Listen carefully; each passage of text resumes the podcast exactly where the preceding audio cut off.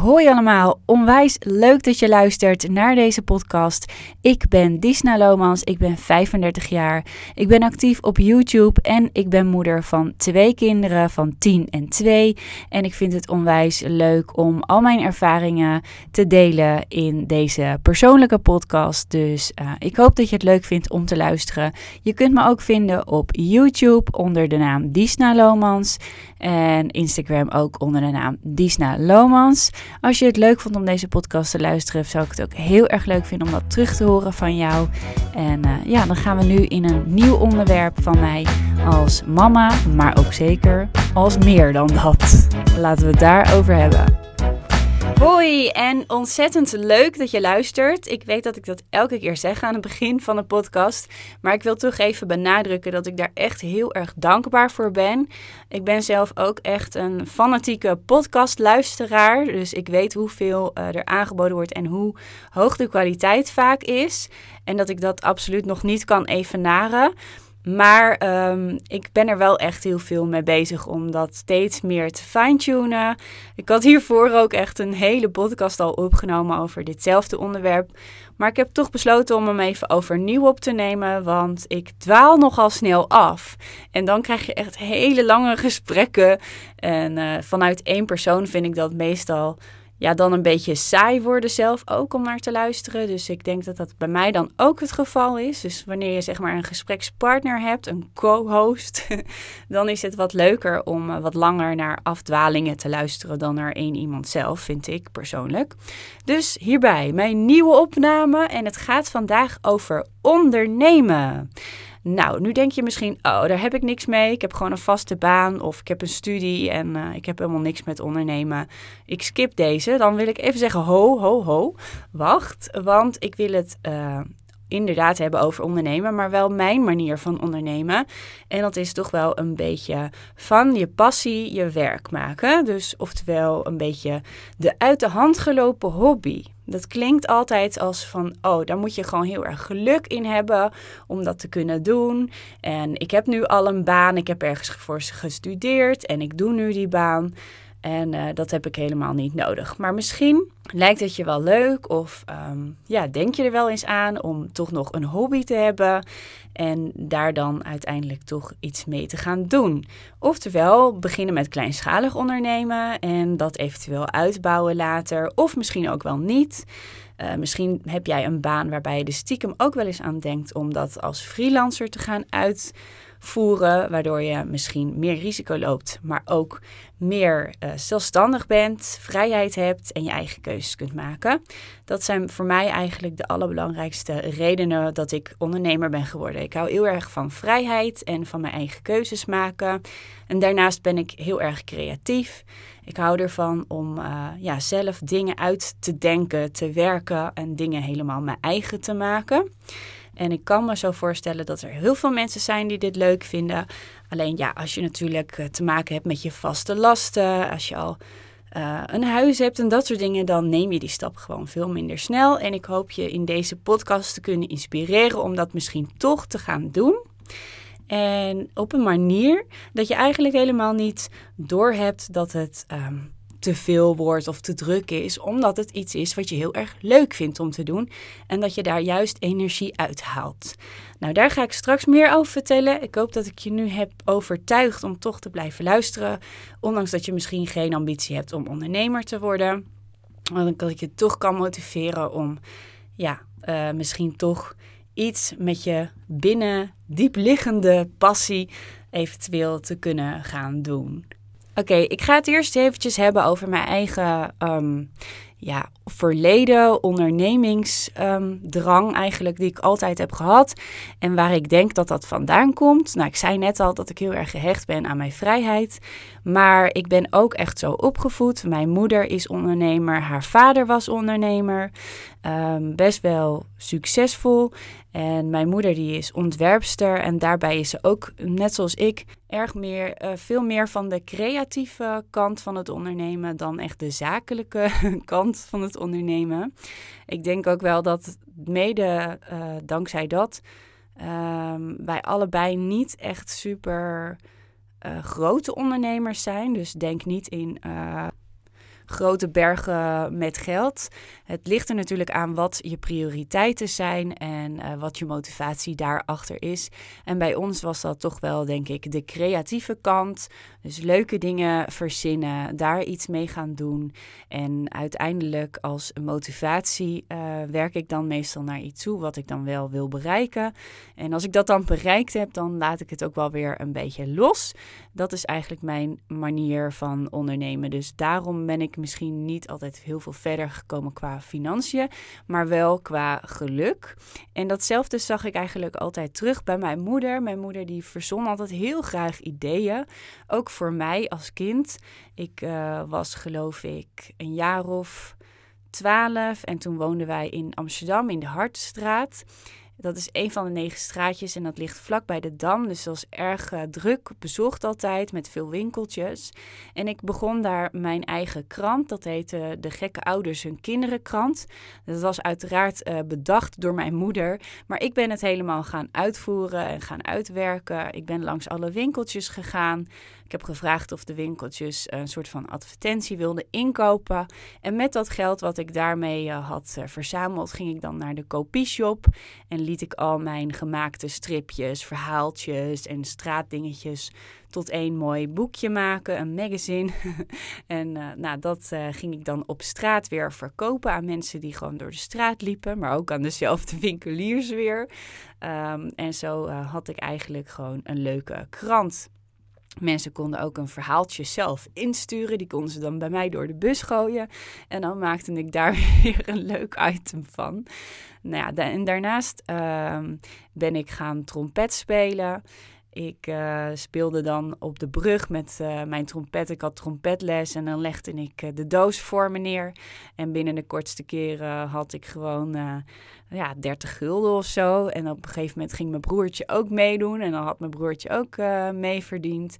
En zo ja, hosselden we eigenlijk al best wel veel geld bij elkaar.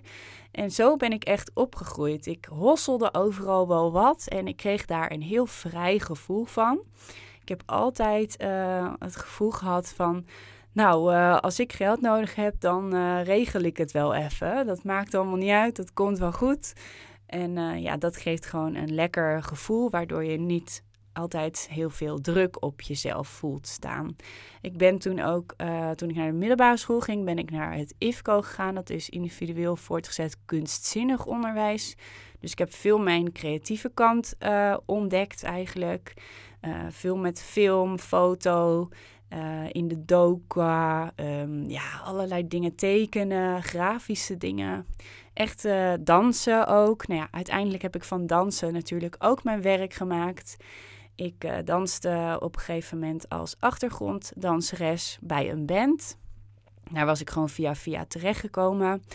En na, tijdens de, dit dansen uh, werd ik eigenlijk door andere discotheken gevraagd van... Goh, kan je niet vaker komen en kan je dan niet andere danseressen meenemen? En daar is eigenlijk mijn bedrijf ontstaan.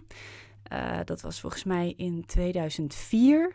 En toen, um, ja, toen dacht ik van, nou ja, als ik dan andere danseressen meeneem, dan betaal ik die danseressen uit. Maar dan regel ik ook hun kleding. Ik maak de show, zodat ze ook gewoon een mooie show hebben. Uh, nou ja, en dan betaalde ik hun een bedrag en dan kreeg ik zelf natuurlijk meer, omdat ik alles regelde. Ik haalde ze ook op soms thuis of later liet ik ze naar de dansstudio komen, want voordat ik het wist liep het zo goed dat ik ook een dansstudio daarnaast begon. Daar gaf ik ook paaldanslessen. Nou ja, op een gegeven moment gaf ik soms wel vier lessen op een dag. En dan s'avonds nog dansen. En uh, ja, de onderneming begon gewoon hartstikke lekker te lopen. Dit was eigenlijk de eerste keer dat ik echt uh, begon met ondernemen. Ik uh, vond het echt onwijs leuk, omdat ik, ja, dansen vond ik echt heel erg leuk. Dus ik, voor mij was het alleen maar een droom dat dit nu mijn werk was geworden. Ik moet zeggen, het heeft nooit zoveel in het laadje gebracht dat ik er echt um, ehm, 100% van kon leven. Ik ben namelijk op mijn zestiende al uit huis gegaan. Uh, toen deed ik, wat deed ik toen? Ja, toen zat ik nog ik ben heel erg moeilijk met die tijden wat ik precies deed. Nou goed, even heel snel in het kort. Ik ben in ieder geval uh, op het NLC, MBO, ben ik weggegaan. Toen ben ik in Amsterdam bij Teasers gaan werken. Daar, dat was een bar en daar uh, kreeg je best wel veel fooi. Daar kwamen heel veel toeristen. Uh, en daardoor kon ik eigenlijk al heel snel op mezelf gaan wonen. Ik werkte daar vanaf mijn zestiende. Daar heb ik vijf jaar gewerkt. En daarna ben ik uh, doorgegaan in mijn bedrijf, zelf, mijn eigen bedrijf. En in het vliegen. Dus je moet het zo zien. Uh, toen ik uit de horeca ging, uh, ben ik gaan vliegen bij Transavia. En dat deed ik 50 uh, ja, zeg, zeg maar 50%. Want in het begin deed ik het namelijk seizoenen. Dan werk je in de zomer fulltime en in de winter ga je er weer uit. Dus dan werk je niet. En in die winters uh, bouwde ik eigenlijk aan mijn bedrijfje. En de discotheken die hadden juist in de zomer weer een beetje rustigere periodes. Dus dat was voor mij echt de ideale combinatie om het te combineren met het vliegen. In de tussentijd, voordat ik ging vliegen, uh, heb ik ook nog allerlei baantjes gehad hoor. Ik bedoel, ik ben tandartsassistente geweest, heb in een schoenenwinkel gewerkt, ik ben bij een zonnebank gewerkt. ik heb echt heel veel baantjes gehad. Maar wel, waar ik wel achter kwam tijdens al deze baantjes was dat ik echt, echt niet meer zulke baantjes wilde. Want ik ging namelijk heel erg. Ik weet niet of sommige mensen dat herkennen. Ik ging heel erg op de klok kijken. En dan ging ik echt denken van, oh, nog zoveel uur, nog zoveel uur, oh, nog zoveel uur, ik wil naar huis. En dat gevoel wilde ik echt niet meer. Ik dacht echt, nee, dat, dat kan je gewoon niet volhouden zo. En dan heb je gewoon waarschijnlijk niet je passie te pakken. Met vliegen had ik dat niet, overigens. En daarom heb ik het ook zo lang volgehouden. Ik heb dus naast mijn eigen bedrijf tien jaar lang ook part-time, dat zeg ik er wel duidelijk bij, want anders was het me niet gelukt, um, gewerkt als stewardess. En dan mijn bedrijf ernaast. Er waren natuurlijk wel hele pittige dagen, zeker toen ik nog jong was. zijn zelfs dagen geweest dat ik echt direct uh, vanuit een vlucht dansles moest geven. En daarna nog eens een keer uh, uh, s'avonds op het podium stond.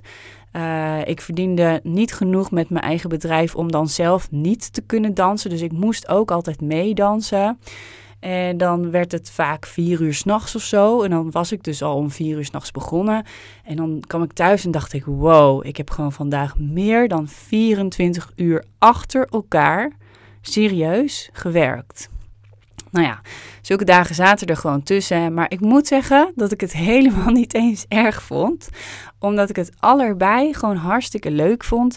En vooral uh, het dansen helemaal niet zag als werk. Wanneer andere mensen uitgingen, ging ik dansen. En zo was het gewoon. Eigenlijk vind ik het nog beter dan uh, dat ik bijvoorbeeld zelf uit was gegaan. Want met dansen dronk ik natuurlijk niet. Dus het was eigenlijk veel gezonder. Ik was ook nog eens voor mijn gevoel met mijn vriendinnen. Dus ik had ook nog eens de gewone gezelligheid van uitgaan. Ik stond op het podium waarbij ik veel aandacht kreeg van uh, jongens en alles om me heen. Dus ik had ook nog eens echt dat bevestigende, verheerlijkende gevoel wat me heel zelfverzekerd maakte. Dus um, nou ja, zo voelde dat in ieder geval. Hè. Ik wil niet zeggen dat ik super zelfverzekerd was of zo, maar zo voelde het en dat gaf me een lekker gevoel. En um, ik had daar gewoon echt heel veel plezier in. En hiermee wil ik dus eigenlijk zeggen dat qua omzet had ik het misschien, uh, haalde ik misschien uh, eh, 50.000 euro in een jaar. Uh, als ik echt goed mijn best had gedaan. maar dat was wel echt voor een jonge meid, vond ik het best wel veel. En, en dat voor iets wat echt je passie is. Waarbij je dus eigenlijk helemaal niet bezig bent met geld. Ja, eigenlijk op de momenten dat de mensen een offerte bij mij aanvroegen, dan gaf ik gewoon de bedragen door en ik maakte een factuur als, uh, als de opdracht was geweest. Ik betaalde de danseressen uit. Maar verder was ik eigenlijk helemaal niet zo uh, bezig met geld. Ik heb nooit eigenlijk een hele erge drang gehad om veel geld te hebben of te krijgen. Ik had gewoon mijn huurhuisje in Amsterdam. Ik had mijn kantoortje ernaast. Dat was dan ook mijn dansstudio, had ik ook ernaast. Dat kon ik gewoon allemaal prima betalen. En um, ja, ik genoot gewoon heel erg. Ik had wel altijd een drive dat als ik bijvoorbeeld uh, een laptop zag die ik wilde. Ik weet nog heel goed dat ik vrij jong was en dat ik zo'n roze Fajo laptop zag. Dat was toen helemaal je van het, zo'n Fajo. Dat was mega cool als je dat had. Nou, ik begon toen al een beetje met uh, interesse te krijgen in video's editen. Dat vond ik echt heel erg cool. Gewoon van die video's van de danseressen maken en dan een hele rare edit van maken. Als je heel goed gaat zoeken op internet kun je die trouwens nog steeds terugvinden.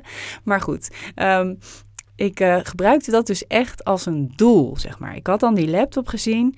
Ik zie mezelf nog zo lopen bij de mediamarkt. En ik zag bijvoorbeeld staan van 1200 gulden of zo. En dacht ik, nou oké, dan ga ik gewoon zorgen dat ik volgende week 1200 gulden heb. Ja, weet je, dan had ik gewoon zo'n mindset. En dan denk ik, ja, dan heb ik gewoon een doel. En dan ga ik daarvoor. En ik zie dat als iets positiefs, maar soms ook wel als iets negatiefs. Want ik zie dat ook bijvoorbeeld bij mijn moeder. Die heeft dat volgens mij ook een beetje. Dan ga je voor iets wat je nodig hebt en dan heb je dat. En dan zakt het hem weer een beetje weg. Dat, die drive, zeg maar. Wat, wat denk ik andere ondernemers iets meer uh, onder controle hebben. Dat ze dan hoger die ladder op gaan.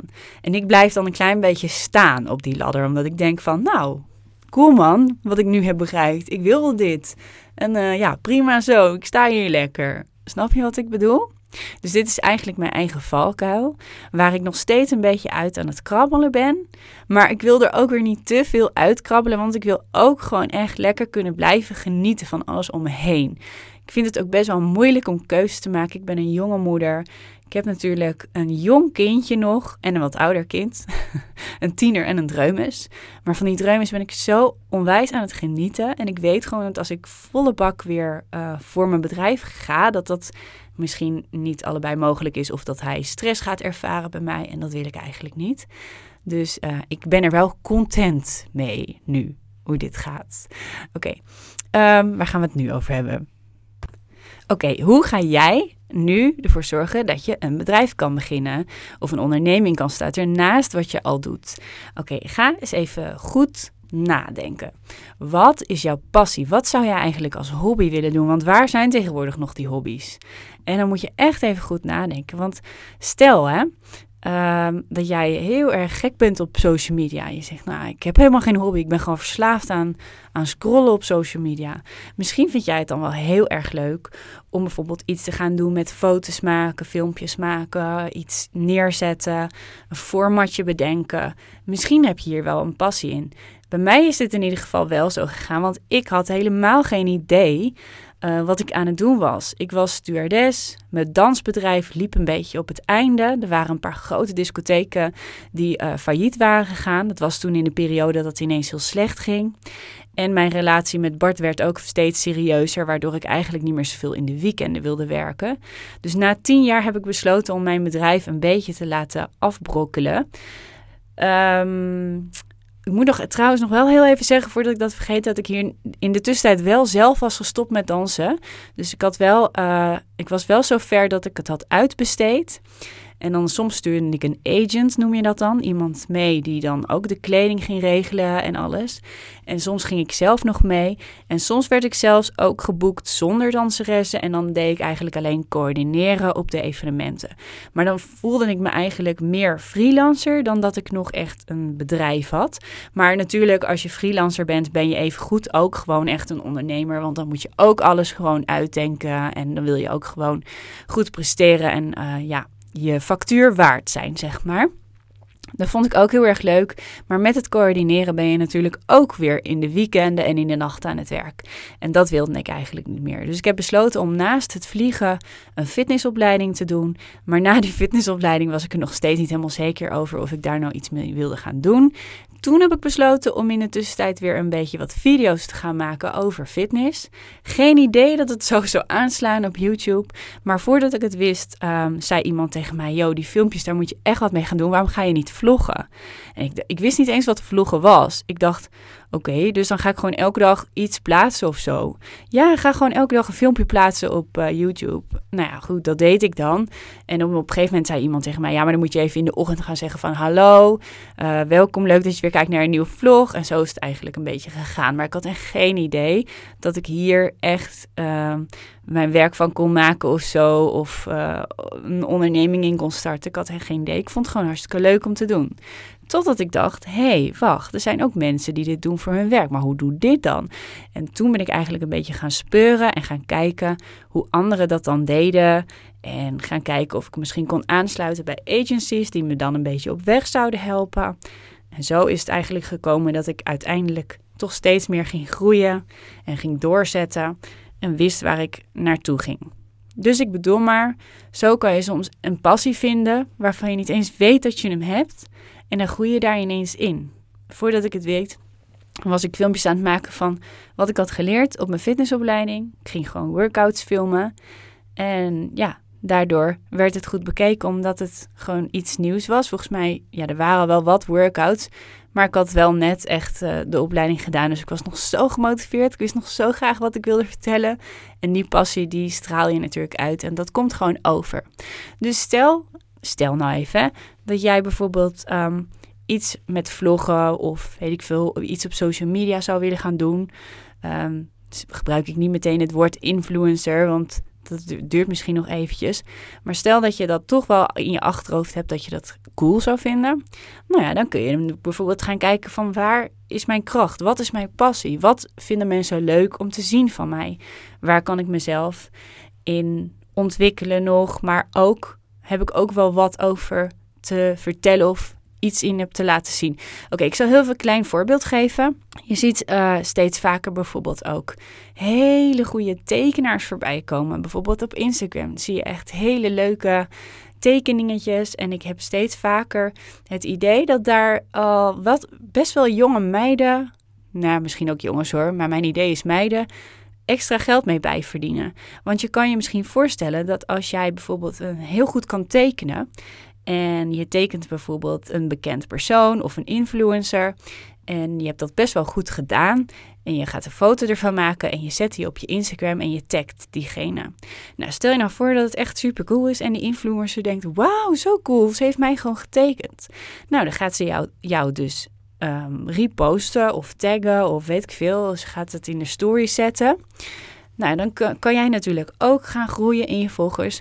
Maar geheid dat je daardoor dus ook allerlei mensen krijgt die denken: wow, ik wil ook zo'n tekening van mezelf en wat kan zij goed tekenen. Dus daar heb je dan eigenlijk met je creativiteit, met iets wat je heel erg leuk vindt om te doen, iets wat je misschien wel onwijs ontspant om dit te doen, heb je een kleine onderneming te pakken.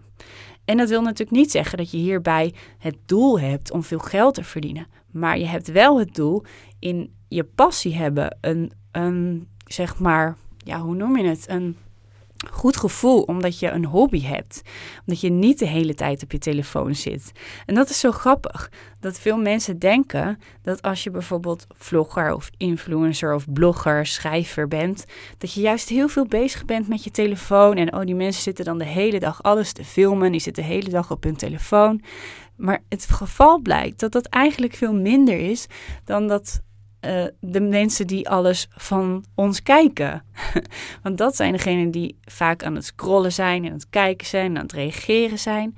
En wij zijn eerder aan het maken en aan het creatief zijn, zeg maar. Dus, uh, en dat ontspant mij in ieder geval heel erg. In mijn geval is dat dus video's editen.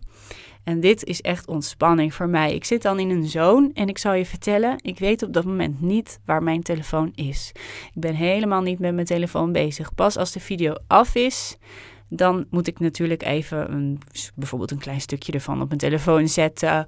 Of wil ik uh, een foto erbij bedenken op mijn Instagram. En dan ben ik even met mijn telefoon bezig. Maar verder valt het echt heel erg mee. natuurlijk wel als ik uh, dingetjes doe, probeer ik er ook stories van te maken. Oh, nu op dit moment zat ik trouwens, ik zit nu de podcast op te nemen en ik dacht, oh, ik moet er eigenlijk ook nog even een story van maken. Dus zelfs op dit moment vergeet ik dat al. Ja, ik kan natuurlijk ook niet alles tegelijk. Hè? En dat is eigenlijk ook een mooie tip voor ondernemen. Um, bedenk wel eerst heel goed van tevoren wat wil je ondernemen? Waar ligt je passie? Want voordat je het weet, heb je te veel dingen door elkaar. En dan kan, kan het een beetje gaan vastlopen. Ik bedoel, er zijn natuurlijk altijd uitzonderingen op de regel. Hè? Er zijn ook mensen die gaan gewoon hartstikke goed als ze tien dingen tegelijk doen. ik ben niet zo iemand die altijd alles maar in één hokje stopt van... ehm, ja, eh, je moet echt voor één ding kiezen, want anders kan je het niet uh, voor 100% goed doen. Nee, maar als ik eigenlijk gewoon kijk naar mijn eigen ervaring, dan heb ik wel ervaren dat ik vaak fouten heb gemaakt of gewoon een beetje de kantjes ervan af heb gelopen, omdat ik ook nog allerlei andere dingen aan mijn hoofd had. Ik was natuurlijk stewardess, ik had daarnaast dus mijn dansbedrijf en daarnaast kreeg ik ook nog Yola. Nou, drie dingen tegelijk. Nou ja, daar heb ik wel kantjes van afgelopen. Ook in mijn relatie. Ik heb twaalf jaar een relatie gehad met de vader van Jola. En dat is ook in die periode uh, dat Jola nog heel jong was. Ze was volgens mij twee. Is, ben ik gescheiden. En dat had, had daar eerlijk gezegd ook mee te maken. Omdat ik te veel doordraafde in mijn werk, mijn passie. En uh, ja, dan ook nog voor zijn kindje zorgen. En dat was gewoon te veel. Daar paste niet ook nog een goede relatie in, helaas. Nou ja, daar later meer over. We hebben het nu over ondernemen. En uh, hoe ontzettend gelukkig ondernemen mij maakt. En uh, ik probeer uit te leggen waar, waarom nou. Waarom maakt ondernemen mij nou zo gelukkig? En hoe weet jij nou of jou dit ook zo gelukkig kan maken? Ik heb één hele leuke tip voor jullie. Dat heet Do What You Can't. En dat is een video van Casey Neistat. Die kan je vinden op YouTube. Misschien dat sommigen van jullie hem al kennen. Maar als ik deze video zie, dan krijg ik helemaal de kriebels. Ik heb hem ook wel eens een andere laten zien. Sommige mensen zeggen ook, oh, bewijzingsdrang. En dan voel ik me eigenlijk een beetje aangesproken. En dan denk ik, oké, dus dan vind je dat ik ook bewijzingsdrang heb met mijn YouTube-kanaal, met alles waarbij ik naar buiten treed, zeg maar. En misschien is dat ook wel zo. Het zou kunnen. Ik weet het niet. Misschien had ik als danseres ook al bewijzingsdrang. Ik weet het niet. Maar ik vind het gewoon leuk om op de voorgrond te treden, om dingen te vertellen, om mijn eigen ervaringen te delen, om andere mensen hierbij te helpen. Ik heb hier gewoon een passie voor. En I don't know waar het precies vandaan komt. Maar ja, do what you can is wel gewoon een hele coole boodschap. Waar ik echt achter sta. Ik denk echt dat je kan wat je niet kan. Echt waar. Ik denk alleen dat als je het over ondernemen hebt, dat er veel mensen te groot denken meteen, waardoor je dus ook weer het gevoel krijgt van, ja, dat kan ik niet. Als je bijvoorbeeld gaat kijken op kvk.nl, 10 manieren om je bedrijf te starten, dan staan er van die ongelofelijke praktische dingen in, zoals onderzoek uw mogelijkheden en test uw kwaliteiten. Nou ja, goed, dat kan je op meerdere dingen interpreteren. Um, verken de markt en bepaal uw strategie. Nou, dat is natuurlijk allemaal pas mogelijk als je echt weet wat het nou precies is wat je wilt gaan doen. Maar misschien weet je dat nog helemaal niet. Misschien kan je daar vanzelf inrollen, zoals eigenlijk bij mij nu al twee keer is gebeurd. Twee keer in het ondernemen ben ik ergens gewoon ingerold, waarbij ik helemaal niet wist dat ik het, zeg maar, ging doen. Kijk, dit soort vragen zijn veel concreter als je bijvoorbeeld zegt van, nou, ik wil een restaurant beginnen. Ja, oké, dan kun je onderzoeken wat uw mogelijkheden zijn en uh, verkende markt. Dat is dan veel makkelijker. Ik ben natuurlijk wel, toen ik begon met mijn dansagency, ben ik gaan kijken om me heen van, oké, wat zijn er nog meer voor agencies? Um, ik heb aan danseressen gevraagd, uh, wat krijgen jullie daar betaald? Um, ja, bij andere bedrijven gewoon gevraagd: uh, wat betalen jullie bij die en die? Uh, natuurlijk heb ik wel af en toe wat strategieën toegepast. Uh, ik heb een stagiair gehad die dan gewoon allerlei bedrijven naging om te vragen of ze interesse hadden. En dan een soort starterspakket aanbieden. Zo ben ik ook bij een paar discotheken binnengekomen waar we dan echt vaste uh, vast in het programma konden komen te staan door in het begin dan een soort korting aan te bieden. Ja, dit zijn natuurlijk wel dingen die je gaat doen dan uiteindelijk. Maar hoe kom je er nou bij die passie, bij wat je precies wilt gaan doen? Uh, maak een financieel plan staat er ook. Kijk naar uw financiering. Ja, ik heb zelf eigenlijk met allebei mijn bedrijven uh, een bedrijf gestart waarbij ik gelukkig niet echt veel hoefde te investeren. Maar ik heb hier wel een keer, ik ben hier wel een keer tegen aangelopen. Ik heb namelijk, uh, zoals ik net al vertelde, een dansstudio gehad. En op een gegeven moment wilde ik dit gaan uitbreiden. Toen wilde ik nog een vestiging. Dit was een hele grote vestiging van 200 vierkante meter. En daar heb ik wel een fout gemaakt. Want dit was uh, best wel duur. Hoge huur. Ik moest drie maanden vooruit betalen. En uiteindelijk ben ik hier ook eerder uitgegaan, omdat het gewoon niet opleverde wat ik er eigenlijk mee verdiende. Ik uh, stond uh, net aan kiet, zeg maar. Maar ja, die inleg, die drie maanden, die was ik dus wel kwijt. Dus daar heb ik wel uh, wat nachtjes van wakker gelegen. En ik kan me zo voorstellen dat als dit om nog grotere bedragen gaat, dat dat best wel lastig is. Als je bijvoorbeeld echt een winkel of een restaurant of iets wil beginnen. Of um, ja, als jij een locatie wilt gaan verzorgen die je wilt gaan verhuren dingen waar gewoon je ja, fysieke dingen voor nodig hebt, dan heb je natuurlijk veel meer investeringskosten. En dan neem je daar een wat groter risico in. Dus dat is ook weer afhankelijk van wat je wilt gaan doen of je daarin moet investeren. Maar het is wel heel erg veilig als je bijvoorbeeld een agency wil oprichten, als je een coach wil zijn, als je als freelancer wil gaan werken, als je iets op internet wil gaan doen, dan heb je relatief gewoon veel minder hoge kosten en veel minder risico. Dus misschien is dit ook wel veel leuker voor jou om te doen als je niet zo van risico's houdt. Als jouw waarden heel erg je zekerheid hebben. Dan is het misschien leuker om een onderneming te beginnen waarbij je dus niet zoveel kosten maakt. Ik had bijvoorbeeld ook um, een collega purser bij Transavia. Bij, als uh, stewardess hebben trouwens ook vaak een onderneming nog ernaast. Omdat het heel goed te combineren is, omdat je, omdat je heel makkelijk deeltijd kan werken. Maar er was dus een purser en die had een barbershop. Nou ja, dat is natuurlijk ook iets wat echt voortkwam uit zijn passie, denk ik. Uh, maar daar heb je wel natuurlijk investeringskosten bij nodig. Dus dat is best wel een grote stap. Want je moet natuurlijk een locatie hebben, winkel huren. Dat zijn echt enorm hoge prijzen allemaal. En dan heb je dat allemaal uitgegeven, maar heb je nog geen stuiver verdiend. En dan moet je eenmaal je klanten gaan opbouwen. Dus dat duurt ook even een tijdje. Dus dat is doorzetten, doorzetten, doorzetten. En je ziet toch wel dat heel veel ondernemers, volgens mij is het zelfs 80%, ik weet het niet precies, ik kan niet zeggen. Maar van dat soort ondernemers dan afhaken nadat al die investeringen al is geweest. Nou ja, ik denk dat je dan echt heel erg moet doorzetten. En inderdaad, ook voordat je dus begint met je bedrijf, heel goed moet gaan kijken naar de markt en of er wel behoefte aan is. Stel je gaat bijvoorbeeld een sportschool beginnen, dat is ook zoiets. Dat is zo afhankelijk van hoeveel er al is in de buurt, wat je precies wil gaan aanbieden. En tegenwoordig ook enorm moeilijk met prijzen, omdat het natuurlijk allemaal tegen elkaar opbokst. En dan heb je ook nog te maken met de kern die er al is, mensen die heel erg graag blijven bij wat ze gewend zijn. Dus dat zijn eigenlijk dingen om heel goed in de gaten te houden als je zoiets wilt gaan ondernemen. En dat is echt een veel grotere stap dus dan de ondernemingen die ik heb, omdat ik daar geen kosten bij had. Althans, niet zoveel. Met mijn dansschool wel. En nu ook, à la nu, zit ik in een kantoor. En daar heb ik ook soms wel weer mijn twijfels over. Het is zelfs niet eens zo super duur, want het is anti-kraak. Ik betaal hier uh, 250 euro ex-BTW. En dan nog, als je gaat kijken wat je in het begin toch weer allemaal uitgeeft in het begin. Dat is echt niet normaal, weet je wel. Dan wil je even dit, dan wil je even dat. Voordat je het weet ben je gewoon weer een paar, paar duizend euro verder. En dan, ja, dan ga je na een paar maanden ga ik eigenlijk alweer denken van... oh, was, is het het wel waard? Want ik zit hier maar twee dagen in de week en is dat niet te erg zonde? En dat, ja, dat is toch wel een beetje de Disney ondernemer.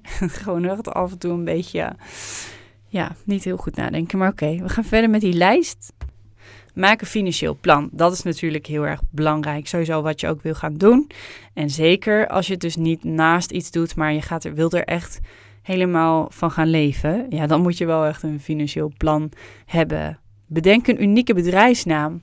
Ja, hierbij wil ik ook even zeggen dat het soms heel erg handig is om een bedrijfsnaam te hebben die niet heel erg vast ligt op uh, wat je doet, zeg maar. Dus als jij bijvoorbeeld een um, uh, online sapjes gaat verkopen, ik zeg maar wat, weet ik veel, ingevroren sapjes, en je noemt het uh, lekker sappig van Sa Saskia of zo. Ja, dat is echt een superleuke naam. Maar stel dat je nou op een gegeven moment denkt: van, ja, ik wil eigenlijk ook wel chocolaatjes erbij gaan verkopen bij die uh, sapjes. Ja, dat is wel jammer, want dan heet het lekker sappig van Saskia. Nou ja, bijvoorbeeld mijn oom, die heeft een uh, bloemenzaak. Die heet Pia's Bloemen. Inmiddels is Pia al lang zijn vrouw niet meer, maar het heet toch nog steeds Pia's Bloemen, want ja, zo kennen mensen het. Dus dit zijn wel grappige dingen, maar misschien ook wel handig om goed over na te denken. En daarbij natuurlijk kort, pakkend en herkenbaar. Herkenbaar is echt, denk ik, bij alle bedrijven wel belangrijk om een uh, goede, pakkende bedrijfsnaam. Ze hebben dus niet zo'n super lange, dat mensen echt niet kunnen uitspreken of helemaal niet kunnen intypen. Social media speelt natuurlijk ook een grote rol, maar ook je eigen website speelt ook een grote rol. Je moet vindbaar zijn en dus ook makkelijk te spellen zijn. Spelling is ook een belangrijke. En dan Punt 6. Administratie moet voldoen aan de eisen. Ik zelf werk met Moneybank. Dat vind ik echt ideaal. Echt, ik wou dat het er eerder was geweest. In de tijd dat ik begon met ondernemen moest ik e- echt 10.000 verschillende Excelletjes maken en hele zooi ervan maken. En tegenwoordig hou ik gewoon alles bij een Moneybank en ik vind dat echt ideaal. Nou ja, algemene voorwaarden en verzekeringen staat op nummer 7. Is natuurlijk een hele belangrijke in bepaalde sectoren. Ik geloof dat ik daar niet heel erg uh, veel van nodig heb. voldoe aan de wettelijke eisen, zegt nummer 8. Ja, ja. Dat is ook uh, heel afhankelijk. Natuurlijk ik kan me voorstellen dat als je iets in de gezondheidszorg doet of dat soort dingen, dat dat heel erg uh, meespeelt. En, uh, of, of bijvoorbeeld, mijn moeder heeft hier ook veel mee te maken. Die maakt babyartikelen, ontwerpt babyartikelen, laat ze maken. En die heeft natuurlijk heel veel te maken met wettelijke eisen. Ik heb daar gelukkig niet zoveel mee te maken. Maar ja, natuurlijk wel trouwens. Want als je video's maakt op YouTube moet je tegenwoordig ook aan wettelijke eisen voldoen. Ehm, maar dat is dan weer iets, volgens mij, wat op YouTube geregeld wordt. Of dat je agency je bij kan helpen. Maar goed, whatever. Dit kan heel veel kanten betekenen en opgaan. Maar je moet er zeker wel even onderzoek naar doen natuurlijk. Dan 9. Schrijf uw onderneming in bij KVK. Volgens mij hoeft dat niet eens bij alles. BTW-nummer. En dan 10. Ga op zoek naar klanten. ja, dat is wel heel belangrijk. Ja, ga op zoek naar klanten. Um, en zorg dat de klanten jou ook kunnen vinden. Misschien is dat ook wel heel erg belangrijk. um, dus zorg dat je eigenlijk hetgene waar je je passie in hebt, in uitblinkt. En zorg dat anderen dit kunnen vinden. En als ze het niet vinden, kun jij ze misschien gaan opzoeken, benaderen. Um, ja, zo doen natuurlijk heel veel bedrijven. Dat mijn vriend heeft bijvoorbeeld een, een eigen bedrijf in de recruitment. En daarvoor moeten zij heel veel acquisitie plegen. En uh, dat kun je eigenlijk op veel verschillende manieren doen. Je kan ook zorgen dat je LinkedIn goed is bijgewerkt. Haal veel uit LinkedIn ook. Dit is trouwens een tip die ik zelf nog helemaal niet toepas. Maar um, ik weet dat mijn vriend dit wel heel veel doet. Um, ja, klanten online vinden um, is soms best wel moeilijk, omdat je natuurlijk te maken hebt met um, ja, contactpersonen die je niet altijd op een website kunt vinden. En op LinkedIn kan je deze wat makkelijker vinden. Dus daarom denk ik dat je veel uit LinkedIn kan halen. En ik denk ook wel voor alle ondernemingen is één ding heel belangrijk. Of je nou freelancer bent of een groot bedrijf hebt, koester je klanten. Dat is gewoon heel belangrijk. Dus um, ja, uh, het is, het is um, natuurlijk vanzelfsprekend dat je altijd blij bent met je klanten, lief bent voor je klanten, goed je best doet. Maar um, ja, het is, gewoon, het is gewoon veel prettiger om een goede, uh, betrouwbare klant te hebben. Uh, liever één dan tien lossen die af en toe één keer een opdracht voor je hebben. En dat is natuurlijk heel afhankelijk van de branche waar je je in bevindt. Je hebt natuurlijk particuliere klanten. Heb je misschien zakelijke bedrijven klanten. Persoonlijk werk ik liever met die tweede. Uh, ik vind het lekkerder werken met bedrijven dan met particulieren. Omdat particulieren gewoon best wel kunnen mieren neuken. Ik kan me heel goed voorstellen dat als jij bijvoorbeeld uh, sieraden wil gaan verkopen, heb ik ook aan gedacht. Ik had hele leuke van die uh, vliegtuighangertjes. En ik heb natuurlijk hartstikke veel volgers die dit hartstikke graag zouden willen kopen. Ik heb ze dan ook eerst getest, want ik wilde echt zeker weten of het zilver goed was. Ik heb ze een tijdje ingehad. Ze waren goed, ze waren leuk. Ik, ja, ik had in principe alles zo kunnen bestellen en kunnen gaan verkopen. Maar ja, ergens staat gewoon heel erg. Het, het staat me gewoon heel erg tegen om die business te gaan beginnen uh, met particulieren. Dus ik zou dan eigenlijk iemand uh, moeten inhuren die dat voor mij wil gaan doen. Want ik, um, ja, ik hou er gewoon niet van om al die mailtjes en vragen te beantwoorden over pietlutterige dingen. Stel je voor dat een ringetje niet goed dicht gaat. Je weet hoe het gaat met oorbellen. En dan krijg ik weer een mailtje van... Nou, ik krijg het pennetje niet goed erin hoor. Wat moet ik doen hoor? Wat, wat een kutbedrijf. Wat een kutringetje. Wat een... Nou, dat... Oh, dat is zo vermoeiend. En dat heb je gewoon met bedrijven veel minder. Die zijn veel concreter, duidelijker. Ehm, en betrouwbaarder. Dus als jij echt goed werk aflevert, dan weet je vrijwel zeker dat je weer uh, vaker werken uithaalt. Want bedrijven hebben er ook gewoon heel erg baat bij om een bij dezelfde uh, ja, personen te blijven. Dat werkt gewoon prettig, want hoe vaker je natuurlijk samenwerkt met één persoon, hoe minder risico je loopt. Want de eerste keer dat je met iemand samenwerkt, is het altijd nog maar afwachten hoe het natuurlijk gaat. En ik kan me zo voorstellen dat het in heel veel branches zo uh, gaat. Niet voor niks uh, hebben de grootste, beste bedrijven gewoon een heel select groepje om hun heen waar ze mee samenwerken. En die gaan natuurlijk niet continu dat weer aanpassen in nieuwe mensen. Dus dat is dan soms ook wel moeilijker om tussen te komen. Maar als je er eenmaal tussen zit, zorg dan gewoon echt dat je je beste beentje voorzet. En dat ook blijft doen. Dus dat het niet gaat aftakelen op het moment dat mensen jou het vertrouwen geven. Ja, hoe vind je nou uh, je passie? Ik had net al heel even het voorbeeld gegeven van misschien vind je social media leuk, maar misschien vind je social media verschrikkelijk. Kan natuurlijk ook. Um, wat zijn je hobby's? Dat is denk ik het allerbelangrijkste om eerst naar te kijken. Waar word je rustig van? Wat vind je leuk om te doen? Heb je um, dingen, uh, lievelingsmuziek, lievelingshobby's? Uh, kan je daar iets in vinden? Heb je wel eens um, ja, ik kan eigenlijk alleen maar vanuit mijn eigen passies praten. Maar ik heb bijvoorbeeld heb je er wel eens over nagedacht dat hetgene wat je als hobby doet, dat je dat misschien zou kunnen aanbieden aan iemand of um, andere mensen mee zou kunnen helpen? Misschien heb je iets uh, wat heel goed werkt voor jou. Misschien kan je daar mensen mee helpen. Um, het kan zoveel kanten op gaan. Misschien heb je een vriend die een heel tof bedrijf heeft en kan je daar iets van, van leren of kan je daar misschien uh, eens een gesprek mee aangaan en Kijken uh, wat je kan leren van diegene, hoe je je passie kan vinden. En um, ja, open your eyes. Look around you. En of je nou, misschien heb je gewoon echt een hele toffe baan, maar misschien kan je zelfs binnen dat werk gewoon ook iets voor jezelf doen, waar mensen je dan weer apart voor kunnen inhuren. Dat zou ook nog kunnen natuurlijk hoe ik zelf eigenlijk uh, te werk ga als ik, een, als ik een nieuw idee heb. Ik ben nu ook bezig met het opzetten van een nieuw bedrijf. En um, zelf haal ik ook heel veel motivatie voor mijn bedrijf in dingen die ik meemaak en die ik eigenlijk zelf mis.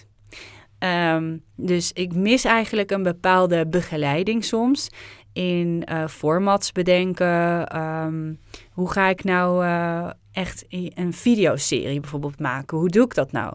Nou ja, dat werkt gewoon niet zo heel erg goed. Dat gaat niet altijd even lekker. Ik loop dan tegen een paar dingen aan. En daar mis ik eigenlijk wat begeleiding. En dan denk ik, ja, dan zullen er toch best wel veel meer mensen zijn die het werk doen wat ik doe. En die hier ook tegenaan lopen. Die ook bijvoorbeeld geen ruimte hebben of geen juiste apparatuur hebben. En kan, kan ik niet dan de handen ineenslaan met deze persoon en die persoon helpen? En kunnen we dan niet samen bijvoorbeeld iets investeren en samen beter worden? Dat is eigenlijk hoe ik denk. Maar dat komt omdat ik echt een passie voor iets heb en dat ik gewoon wil dat het zo goed mogelijk gaat worden uiteindelijk, zeg maar. Dus um, ik ben hier nog heel erg zoekende in hoe ik dit precies in een bedrijf ga vormen. Maar wat ik wel weet is dat het echt heel erg leuk gaat worden. En dat ik hier echt heel veel passie in ga stoppen en heel veel zin in heb. En hoe ik dit eigenlijk vormgeef is, ik begin gewoon een website. Ik ben gewoon een website begonnen. Die staat niet online, die kan je niet checken. Maar het is eigenlijk um, een soort opzet van het bedrijf wat ik wil oprichten. En het lijkt me zo gaaf dat als ik deze website heb, dat ik gewoon binnenkort een keer een opdracht heb voor een bedrijf. En ik weet gewoon dat het, dan gaat het balletje wel rollen. Dan rolt het een richting op. En dan zeg ik over een jaar tegen jullie: ja, hier is hij aangekomen, dat balletje. Het bedrijf is nu gestart. En het is dit en dit en dit geworden.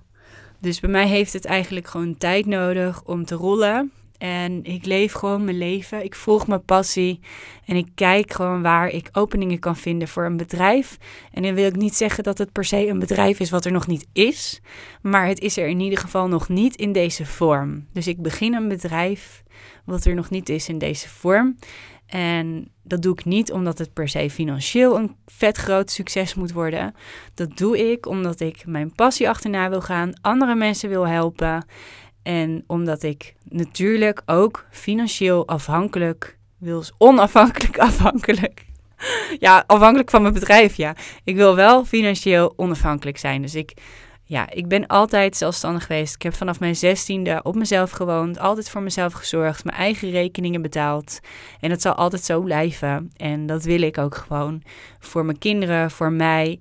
Ik ehm, kan, kan wel uh, op barstse zak gaan leven als ik zou willen.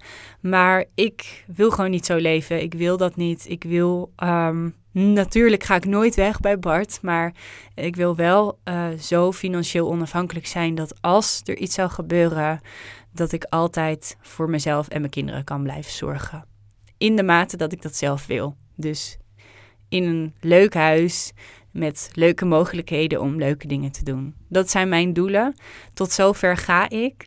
En als ik die doelen nou een beetje omhoog schroef, dus dat ik eigenlijk ook nog een beetje vrijstaand wil wonen en zo, dan uh, motiveer ik misschien mezelf om dat bedrijf nog succesvoller te gaan maken. Dus daar heb ik echt vet veel zin in. Op dit moment gaat het echt al best wel uh, goed. En ik ga jullie over een jaar vertellen hoe dat allemaal is ontstaan. Nou ben ik ook heel erg benieuwd naar jullie ideeën. Heb ik je kunnen inspireren om je passie te zoeken, om iets te gaan beginnen? Laat het me dan zeker weten. Of misschien heb je, ja, had je dat al, maar klinkt het gewoon super bevestigend en leuk voor jou om dit te horen? Laat het me dan ook weten. Ik ben heel erg benieuwd of jullie uh, ook in mijn podcast een beetje een groei zien. Dat het misschien beter wordt of misschien juist ook minder. Laat me dan ook maar weten, want dan weet ik in ieder geval waar ik aan toe ben en waar ik aan kan gaan werken.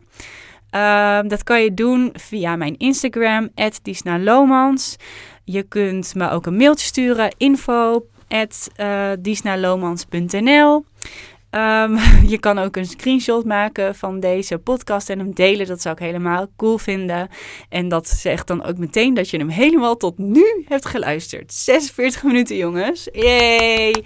Applausje voor jullie dat je zo lang hebt geluisterd. Heel erg bedankt. En ik vind het echt een heel gek idee dat iemand zo lang naar mijn stem heeft geluisterd. Maar oké, daar moet ik nog even aan wennen. Oh ja, en ik ben ook op zoek, want ik wil wel weer echt heel graag de Vertel mij wat serie gaan oppakken. Zeker nu dat ik mijn audio beter voor elkaar heb. Uh, naar een co-host ben ik op zoek. Dus voor de Vertel mij wat wil ik eigenlijk een paar vaste co-hosts hebben, waarbij ik dus samen met diegene steeds meer leuke gesprekken ga voeren over moederschap, uh, maar dus ook over gewoon ja, de things of life die iedereen wel herkent. Ik denk van onze generatie, jonge moeders, dertigers. Je kent het allemaal wel. Doei!